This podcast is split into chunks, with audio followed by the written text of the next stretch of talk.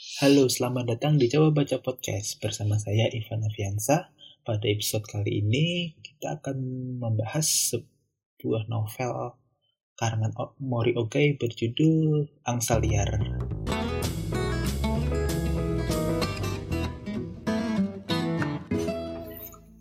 Oke, okay, um, Angsa Liar merupakan novel terbitan pertama dari Moi Pustaka, sebuah penerbit yang yang punya tagline menghadirkan sastra dunia tirak bukumu dimulai dari sini. Uh, tapi untuk Angsa Liar sendiri sejujurnya nama Mori Oke buatku adalah nama yang amat baru. Mengingat kayaknya aku cuma aku saat ini baru mengenal nama-nama sastra Jepang di jalur mainstream misal kayak Haruki Murakami atau Kawabata DKK sedangkan yang nama ba paling baru sekarang aja tuh kayak saya Kamurata. Nah untuk nama ini seperti ini nama yang cukup klasik kayaknya mungkin Mas Nova bisa deh mengenalkan kepada kita sosok ini sosok penulis ini. Kalau mau jujur-jujuran ya aku itu belum pernah baca Murakami nice. Nice. Dan untuk sastra Jepang sih baru baru membaca karena ya gitulah nanti ntar kapan-kapan cerita soal itu nanti daripada ke mana-mana. Oke, okay. terus Mori Oke sendiri aku pertamanya bacanya Mari Oke, eh, cewek. Tapi ternyata setelah ini oh oh Mori, oke Mori, Mori bisa, bisa nama yang nama cowok hmm. ya. Dan ternyata dia legend. Letnan Jenderal. Jadi dia uh, ahli bedah oh. tentara kerajaan okay. Jepang. Nice. Oke, okay, terus terus terus. Kenapa dia di sini itu menarik dan mungkin uh, Moy Pustaka kan uh, dikelola oleh Eka Kurniawan hmm. ya. Dan selera Eka terhadap sastra dunia kan uh, cukup apa ya? Dia banyak membaca dan cukup luas wawasannya. Yeah. Hmm. Kenapa Mori Oke ini jadi salah satu yang malah justru pertama terbitan pertamanya ini karena aku pikir karena dia itu kan hidupnya di zaman restorasi Meiji gitu loh. Oke. Okay. Jadi dia lahir tahun 1862. 1862. Dan iya. restorasi Meiji itu kalau nggak salah 1868. 68 berapa nah, tahun setelahnya? Eh, 4 tahun setelahnya ya? Eh, 6 tahun ya. 6 tahun ya. Dia bisa memotret dengan baik peralihan uh, antara zaman dalam tanda kutip feodal ke modern modern awal kayak gitu oh. gitu modern awal Jepang kayak gitu. Oke, okay, oke, okay, narik narik.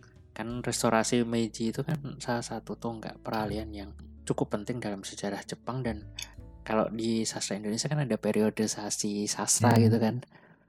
Nah ini tuh kalau nggak salah itu klasik modern modern klasik masuknya. Oke. Okay. Um. Iya penulis-penulis yang hidupnya itu di antara era ini dan era itu di peralihan era itu kan biasanya punya sudut pandang yang menarik ketika dia mengkomparasi uh, kehidupan seperti ini dan kehidupan setelahnya kayak gitu. Dan itu nggak bisa diduplikasi oleh eh, penulis-penulis lain kayak Jadi gitu akan amat-amat mungkin original ya. Ide apa ya sebuah iya, gagasan insightnya itu original gitu ya. Oke okay, iya. Okay.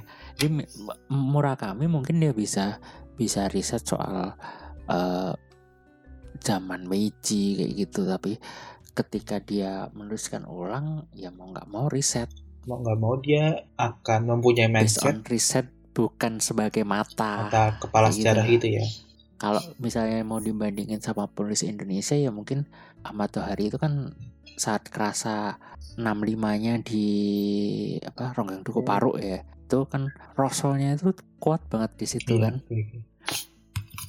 Dan Lela Escudori kita ada bukunya Lela Escudori uh, pulang dan uh, laut bercerita. Yang pulang itu dia mencerita uh, kebanyakan menceritakan tentang 65 98 nya dikit banget kan. Bagian awal itu terasa banget kalau itu riset kayak gitu loh hmm, ya, okay.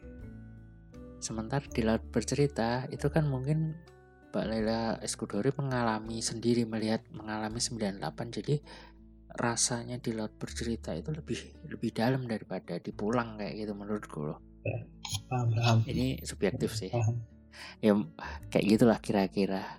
Kan aku belum belum baca bukunya nih, tapi aku sempat membaca sinopsis belakang bukunya dan yang ada di kepalaku adalah apakah ini akan soal ewa ewi dan birahi birahi lagi nih khas sastra Jepang seperti yang sudah-sudah oh iya uh, sambungnya juga oke okay, luar biasa apakah juga isi bukunya juga akan seluar seluar biasa sambungnya aku sebenarnya cukup menyesal membeli yang cetak apa cetakan pertama. Kan udah dua cetakan hmm. dua kan. Si ceweknya ini masih tertutup apa merah. Oh merah. oh yang jadi aku lihat itu yang cewek. yang cetakan kedua jadi ya? Oh iya. yang putih yang oh, dominan putih. yang sudah tidak ada sensor jadi kayak ya udah kayak bokep Jepang sih unsensor dan sensor kayak gitu loh luar biasa. Oke terus terus. Terus sebenarnya covernya juga nggak terlalu menunjukkan ada ceritanya ketika ya saling menyapa lagi di mandi terus kayak ada jendelanya keluar terus dia menyapa si tokoh utama lainnya hmm. kayak gitu loh itu cuma menceritakan di situ doang okay. dan sebagai cover apa covernya ini buku ini dia tidak dia tidak menjual Mori Oge-nya dong kan tetapi tapi dia menjual diterjemahkan oleh Rebecca Ota ini juga poin-poin penting ini ditaruh di sini selain satu menghargai penerjemah ya. Mengingat aku saja tidak tahu Mari Oge ini siapa, gitu ya. Iya, aku juga nggak tahu awalnya dan penasaran karena kenapa Mai Pustaka menerbitkan buku ini sebagai pertama kali bukan pakai uh, siapa kayak yang yang terkenal atau yang lebih familiar di pembaca kalangan pembaca pembaca hmm. sastra kayak gitu loh. Mungkin untuk yang uh, segmented sastra Jepang mungkin udah kenal banget sih uh, Mori Ogai kayak gitu ya. Aku belum sempat tanya temanku yang di sastra Jepang sih. Ya, terus terus. Tapi menarik untuk untuk uh, digali lebih dalam terus lalu aku baca ini uh, seperti biasanya seperti uh, sastra Jepang pada umumnya awalnya lambatnya ya ampun Iya kan? Ya, kayak kami yang ada adegan si tokoh utama mengamati sekitar itu aja bisa habis tiga halaman gitu ya. nah, ini itu nggak nyampe tiga halaman sih namanya. Ini total cuma uh, 158 halaman. Ya maaf, kami 1500 halaman nih. Makanya eh nggak nggak nyampe 100 158 itu ada catatan apa endnote-nya yeah, di yeah. belakang sih. Nah, ini kayak detailnya itu kayak oh dia keluar dari sini belok ke sini kemudian mendayung di sungai apa terus dia ke kos apa kayak gitu. oh. gitu ke kuil ini jalan-jalan di sini ke toko buku ini kayak gitu. Itu kayak ngapain sih kok malah muter-muter? Terus ini poinnya di mana? Kayak gitu. Yeah, yeah. sebagai pembaca yang uh, pembaca zaman sekarang yang tidak bisa berleha-leha menikmati bacaan lambat. inginnya langsung uh, inginnya langsung ada apa di hadapan ke, gitu ya. Iya yeah, inti cerita apa nih apa nih apa nih? Kayak gitu kan. Aku sempat mau menyerah okay. di awal-awal. Tapi begitu masuk ke bab ketiga, keempat kayak gitu. Hmm. Uh, lumayan menarik ketika si ini kan ada dua tokoh utama yang diceritakan oleh naratornya. Hmm. Sebenarnya sebenarnya ada tiga tiga tokoh yang yang uh, penting di di novel ini. Otama, Okada dan Suesu dan salah satu yang membuat aku sebel sama uh, sastra-sastra Asia Timur itu namanya hampir mirip. Ya, Okada, Okada Otama ini ser sering-sering ketuker-tuker kalau aku menceritakan ulang kayak gitu loh. Aku jadi editor itu tak suruh ganti nama sih, jadi editornya. Kamu coba ngeditorin anu apa Jin Yung? Itu siapa? itu ini yang nulis pemanah Raja Wali itu Yoko Kuechan. Gak tahu, gak tahu. Gak tahu ya. Dua tokoh ini itu sebenarnya dia itu saling naksir tapi naksirnya itu baru ih ini mbaknya cakep hmm. terus si si ceweknya itu juga eh, ini masnya cakep dan mereka cuma ketemu dan berinteraksi itu satu kali sisanya yang yang ngobrol cuma satu kali sisanya cuma misi misi ya hmm. mbak dari cuma saling menyapa dan kadang tidak menyapa secara secara verbal tapi cuma menundukkan kepala atau kalau yang cowok pakai topi dia melepas topinya hmm. untuk menyapa iya sehari-hari banget ya gitu. sehari-hari banget ya terus intinya iya, apa ketemu tetangga nah itu panjang nah tokoh ketiga yang jadi penting selain Mhm. Okada dan Otama ini adalah Suezu. Apa? Suezu. Ini cerita Suezu. oke. Eh, Suezu ini renten rentenir. Oke. Nah, ketika naratornya mulai menceritakan tentang Suezu ini baru mulai nggak membosankan, gitu loh. Jadi si si O- eh, naratornya itu temannya si Okada, temen satu kos Hmm. gitu, kos Kamijo, Kamijo. Kamijo, jadi itu di Jawa. Jakal atau di mana Terus- itu tempatnya itu? di Jakal itu terus Okadanya ini eh, dia itu kedok fakultas kedokteran eh, Universitas Tokyo terus eh, Otamanya ini jadi seperti yang diceritakan di bagian sinopsisnya itu dia itu dulu nikah sama polisi terus ternyata polisinya itu udah beristri terus ketika ketahuan istrinya kemudian dia ditinggalkan jadi dia itu cuma hidup sama bapaknya doang kayak gitu loh Klasik banget ya akhirnya jadi Ceritanya klasik banget ya. kasih banget loh. terus setelah lepas dari polisi itu sebenarnya dia nggak mau nikah lagi tapi bapaknya kan makin tua tuh terus ada satu orang yang pengen memperis menjadikannya dia istri kedua kayak gitu. Jadi sebenarnya nggak mau tapi meli- melihat bapaknya sudah tua dan dia si orang itu bisa menjamin kalau dia bakal hidup berkecukupan dan bisa menjamin bapaknya juga istilahnya terawat Hmm. kayak gitu. Akhirnya ya dia mau kayak gitu. Nah orang itu adalah si Suisu si rentenir itu. Oke. Rentenirnya itu sendiri dulunya juga istilah dulu dulunya juga kere kayak pesuruh di kayak di kosan kayak gitu terus dia ngumpulin ngumpulin duit dia minjemin uang ke mahasiswa terus ditagih dengan Bunga. apa ditagih dengan bunga yang cukup akhirnya makin lama makin kaya kayak gitu Dasar pem- pemakan harta anak yatim. Ah, ah. Terus orang ini nggak pernah ketemu Oh. kan terus di si si otamanya ini sebenarnya udah udah mau "Ah, ayo memberanikan diri untuk ngomong ngobrol lah paling lebih kenal kenalan doang. Dia cuma tahu namanya dari apa omongan orang kayak gitu. Oh ini namanya itu. Oh namanya itu. Namanya si Okada ya. Hmm, akan ku ingat namanya. Dia tinggalnya di kos Kamijo akhirnya.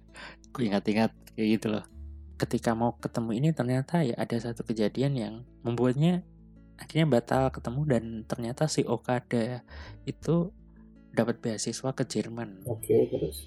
Terus terus. terus akhirnya si Otamanya itu nggak ketemu dengan si Okada akhirnya nggak nggak ceritanya gantung gitu aja gitu loh. Dan si na- yang naratornya itu jadi naratornya itu kenal dengan Otama setelah si Okadanya itu pergi ke Jerman. Oh, terus? Jadi akhirnya mm, ceritanya si Okada dan si Otama itu bisa terangkai. Oh, jadilah buku ini. Itu butuh jadi cerita yang di sini. Itu butuh but- berapa puluh halaman itu mau buat perang kayak sampai ke arah sana. Jauh banget jadi. 148 halaman. Iya, pace-nya Jepang sekali. walaupun di awal lambat di tengah itu agak agak agak lumayan apa ya jalan cepat kayak gitu lah Oke oke. Tapi kok judulnya itu angsa liar nih? Kok dari tadi saya aku tidak mendengar satu pun angsa di dalam cerita tersebut ya? nah itu dia Gimana gimana? aku juga bingung di situ Emang gak ada serius? maksudnya gini Emang itu bukan perkataan angsa atau atau tahu apa tokoh yang merasa ada angsa dalam tubuhnya kayak laki harimau gitu loh. Baru bangsamu Mardio ya kayak laki harimau gitu loh. emangnya terus jadi kita bahas Eka Kurniawan nanti kita sambungan Nggak, dulu. kayak gini aku juga bingung eh, dengan eh, judul angsa liar ini kan dari covernya juga nggak ada angsa-angsanya malah mbak-mbak lagi mandi kan itu satu-satunya yang menceritakan tentang angsa adalah tadi kan ceritakan ada satu kejadian Hmm. yang membuat si Otama dan si Okada ini nggak ketemu itu itu bukan bukan angsa liarnya juga jadi kupikir awalnya kan angsa liar itu adalah metafora dari sesuatu kan cuma metafora itu kan kalau kita harus tahu misalkan eh, aku bagaikan elang kayak gitu. Mm-mm. Kita tahu aku, kita tahu elang. Kita apa? Akhirnya Hmm. pikiran kita bisa menghubungkan antara aku dan elang. Oh, dia pengen bebas seperti elang, dia pengen uh, bisa pergi jauh seperti elang. Kita bisa mengkorelasikan itu dengan keadaan, terus akhirnya mengkorelasikan dengan uh, yang diandaikan itu kan tadi kan kalau kalau metafora kan cara kerjanya seperti Hmm. itu kan. Nah, kalau ini aku tuh bingung liar ini mengandaikan apa kayak gitu loh. Karena si Okadanya itu bukan tipikal angsa liar ya dia agak selengean Hmm. sih tapi nggak nggak nggak seliar itu dia malah dia malah cukup patuh itu ini kan dia dapat beasiswa itu kan hitungannya dia kayak nggak menyelesaikan yang di Universitas Tokyo kayak gitu loh terus. Si otamanya juga dia nggak liar juga kan malah dia istilahnya dia ketipu di depan terus mau dia harus harus menjadi gundi itu uh, sesuatu yang tidak dia mau kayak gitu loh Jadi tapi keadaannya memaksa seperti itu yang liar adalah pikirannya gitu loh pikirannya karena dia dia sudah dalam tanda kutip menjadi gundi Hmm. tapi dia istilahnya eh ber, berfantasi tentang si Okada itu gitu loh tapi apakah itu itu kan nggak cukup kuat juga Tovan iya sih. Ya aku aku aja sampai hari sampai kamu ngomong ini aku belum dapat angsanya di mana nih gitu loh. Nah, satu-satunya angsa itu aku nggak nemu metafora. Apakah ini bukan metafora kayak gitu? Nah, satu-satunya dia cerita soal angsa itu mulai bab 22. Anjir itu bab terakhir Dia mengawali paragraf pertama di bab 22 itu dengan adalah sebuah dongeng yang berjudul Sebatang Paku yang sering dibaca anak-anak barat. Jadi Sebatang Paku menurut uh, endnote-nya ini adalah dongengnya Grimm bersaudara. Uh, ini ceritanya soal jadi ada seorang pedagang toh dia dapat duit banyak mau pulang pakai kuda gitu terus uh, kuda di, udah diingetin "Eh, ini pakunya copot satu loh pok. Uh, paku ini sepatu kuda itu.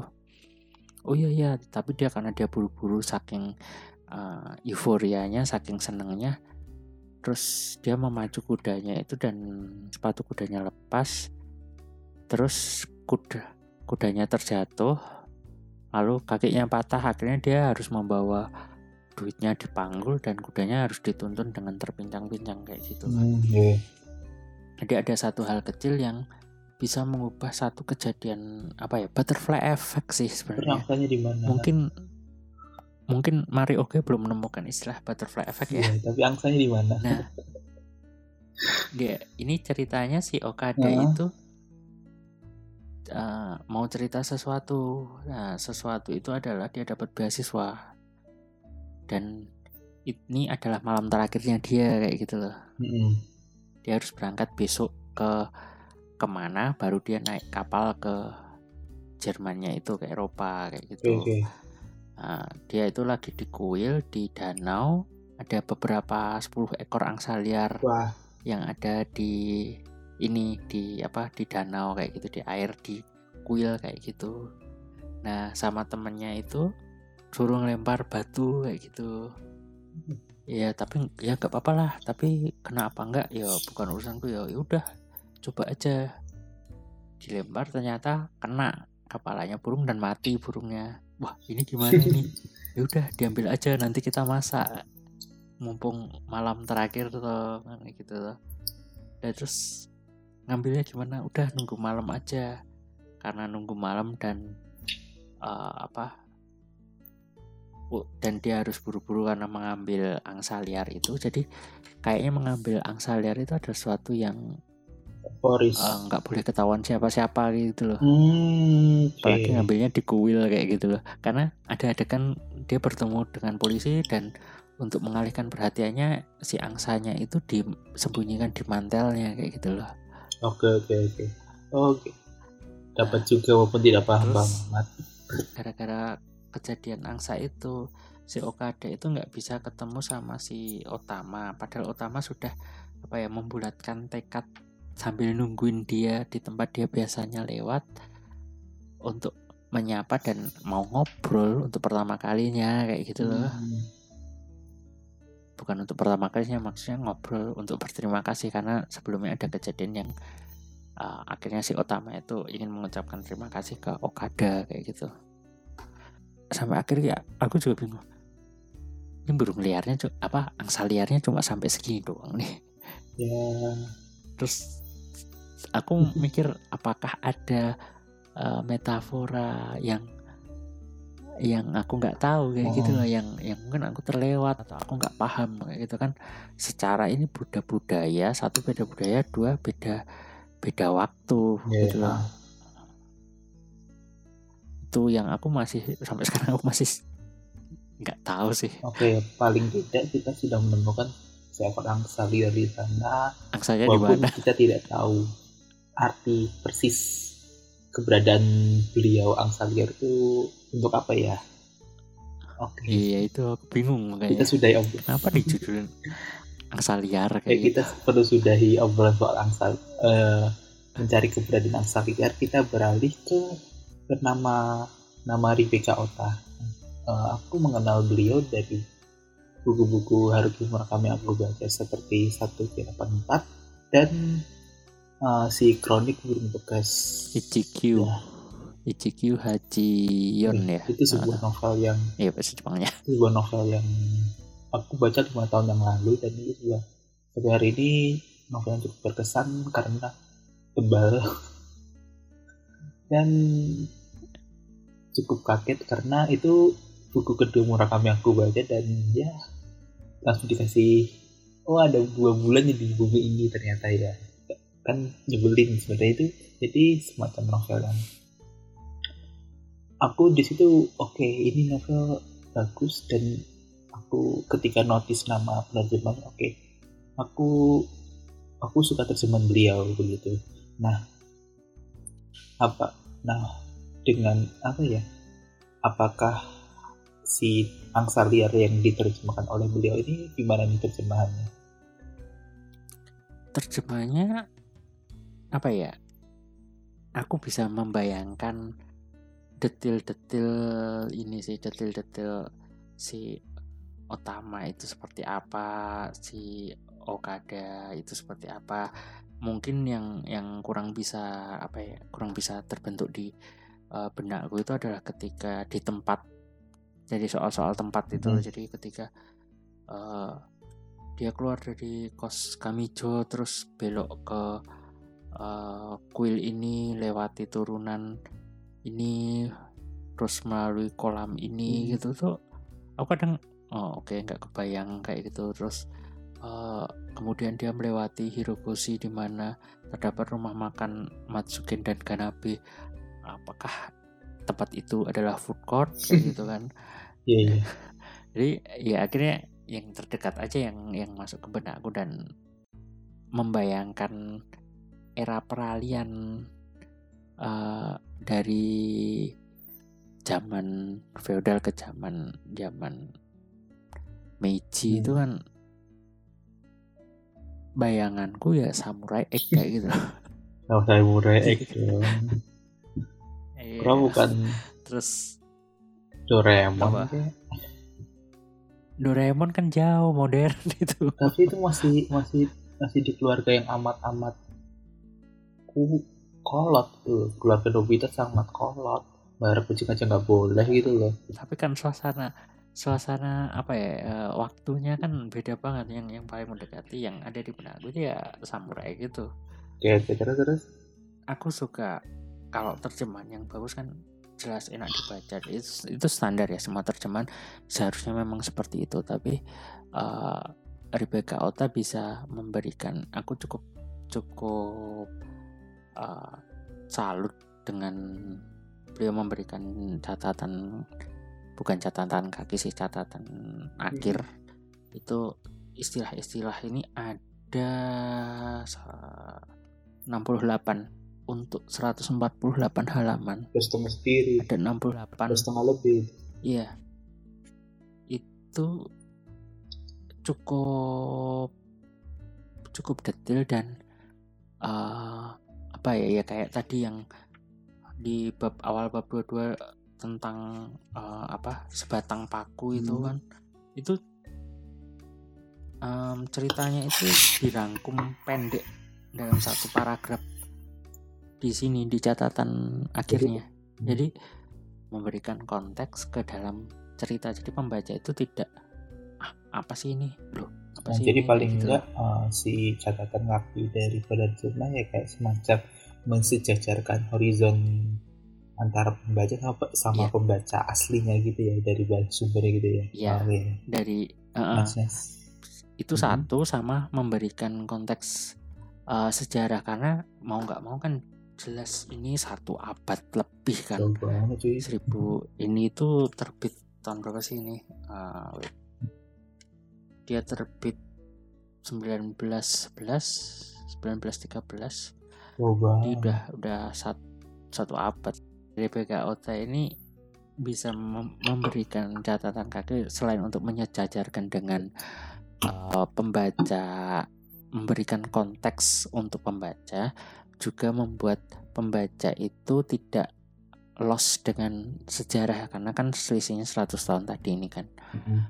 terus itu kayak ketika aku menerjemahkan uh, Balzac Honor de Balzac yang uh, apa mahakarya tak dikenal itu ada tiga cerpen cerpen yang panjang sih cerpen panjang Hmm. kayak gitu itu ada sekitar 90-an lebih catatan kaki karena kalau itu kan bentuknya catatan kaki kalau ini kan catatan akhir kan Hmm. karena menurutku kalau novel itu enak kan di catatan catatan akhir kalau cerpen di catatan kasih catatan akhir nanti lompat-lompat bacanya nggak enak banget Ah, iya, menurutku oke. ter- itu juga aku memberikan konteks eh, sejarah karena ya harus diakui kita sejarah sama sejarah kita aja kita kadang nggak ingat apalagi sejarah negara lain kayak gitu loh. Mana peduli. Apa itu sejarah? karena di sini memang banyak. Jadi si si Okada itu dia suka baca eh, sastra Tiongkok kayak Hmm. gitu kan. Terus dia baca apa novelnya batas air uh, Suikoden. Nggak tahu ya. ya banyak peristiwa sejarah juga yang diceritakan di sini jadi cuma menambahkan konteks jadi pembaca itu nggak lost lost konteks ketika membaca cerita ini kayak gitu Nah, oke oke. Jadi nah ini kan novel yang diter- diterbitkan oleh si penerbit yang diampu oleh Kak Kurniawan dan ini adalah terbitan pertama dong dari Moi Pustaka.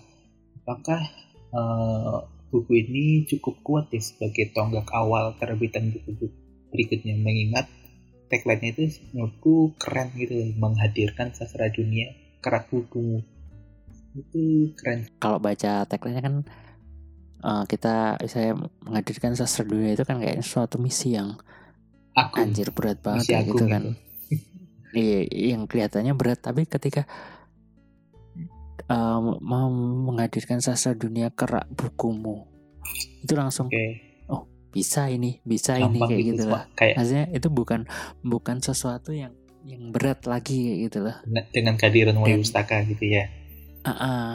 dan aku nggak ragu dengan seleranya Mas Eka dengan yang yang wawasannya luas dan misalnya kayak kemarin kamu masih bisa mengakses uh, blognya Eka terus juga di dua isi Eka yang diterbitkan oleh Mhm. Circa menurutku cukup sahih sih s- seleranya Eka kan pasti juga dia nggak oh, istilahnya nggak asal nerbitin kan Hmm. pasti juga akan terkurasi kan dan buku ini tuh ya aku mak maklum sih dengan dengan kenapa tidak tidak tebal dan tidak apa namanya tebal dan bukan yang se- seorang yang terkenal satu dia memang dari awal pengen pengen ngeluarin nama yang asing dengan kualitas terjemahan yang bagus kalau harga sih relatif sih untuk 150-an halaman dengan harga 62.000 aman sih harga aman sih. Harga aman maksudnya nggak nggak mahal banget tapi nggak murah banget. Dan kalau murah banget kan juga nanti wah ketika suatu saat dia menerbitkan buku klasik yang agak tebel dan harganya serat di atas 100 ribu ya. kayak itu terus nanti banjir kok jadi mahal? Ya, kayak, kayak gitu kan nanti. HP itu kan yang yang harganya 2-3 juta tiba-tiba 12 juta gitu ya. Makanya makanya dan dan menurutku apa ini udah pas dan aman banget. Dan terbukti udah masuk cetakan kedua. Ya udah kan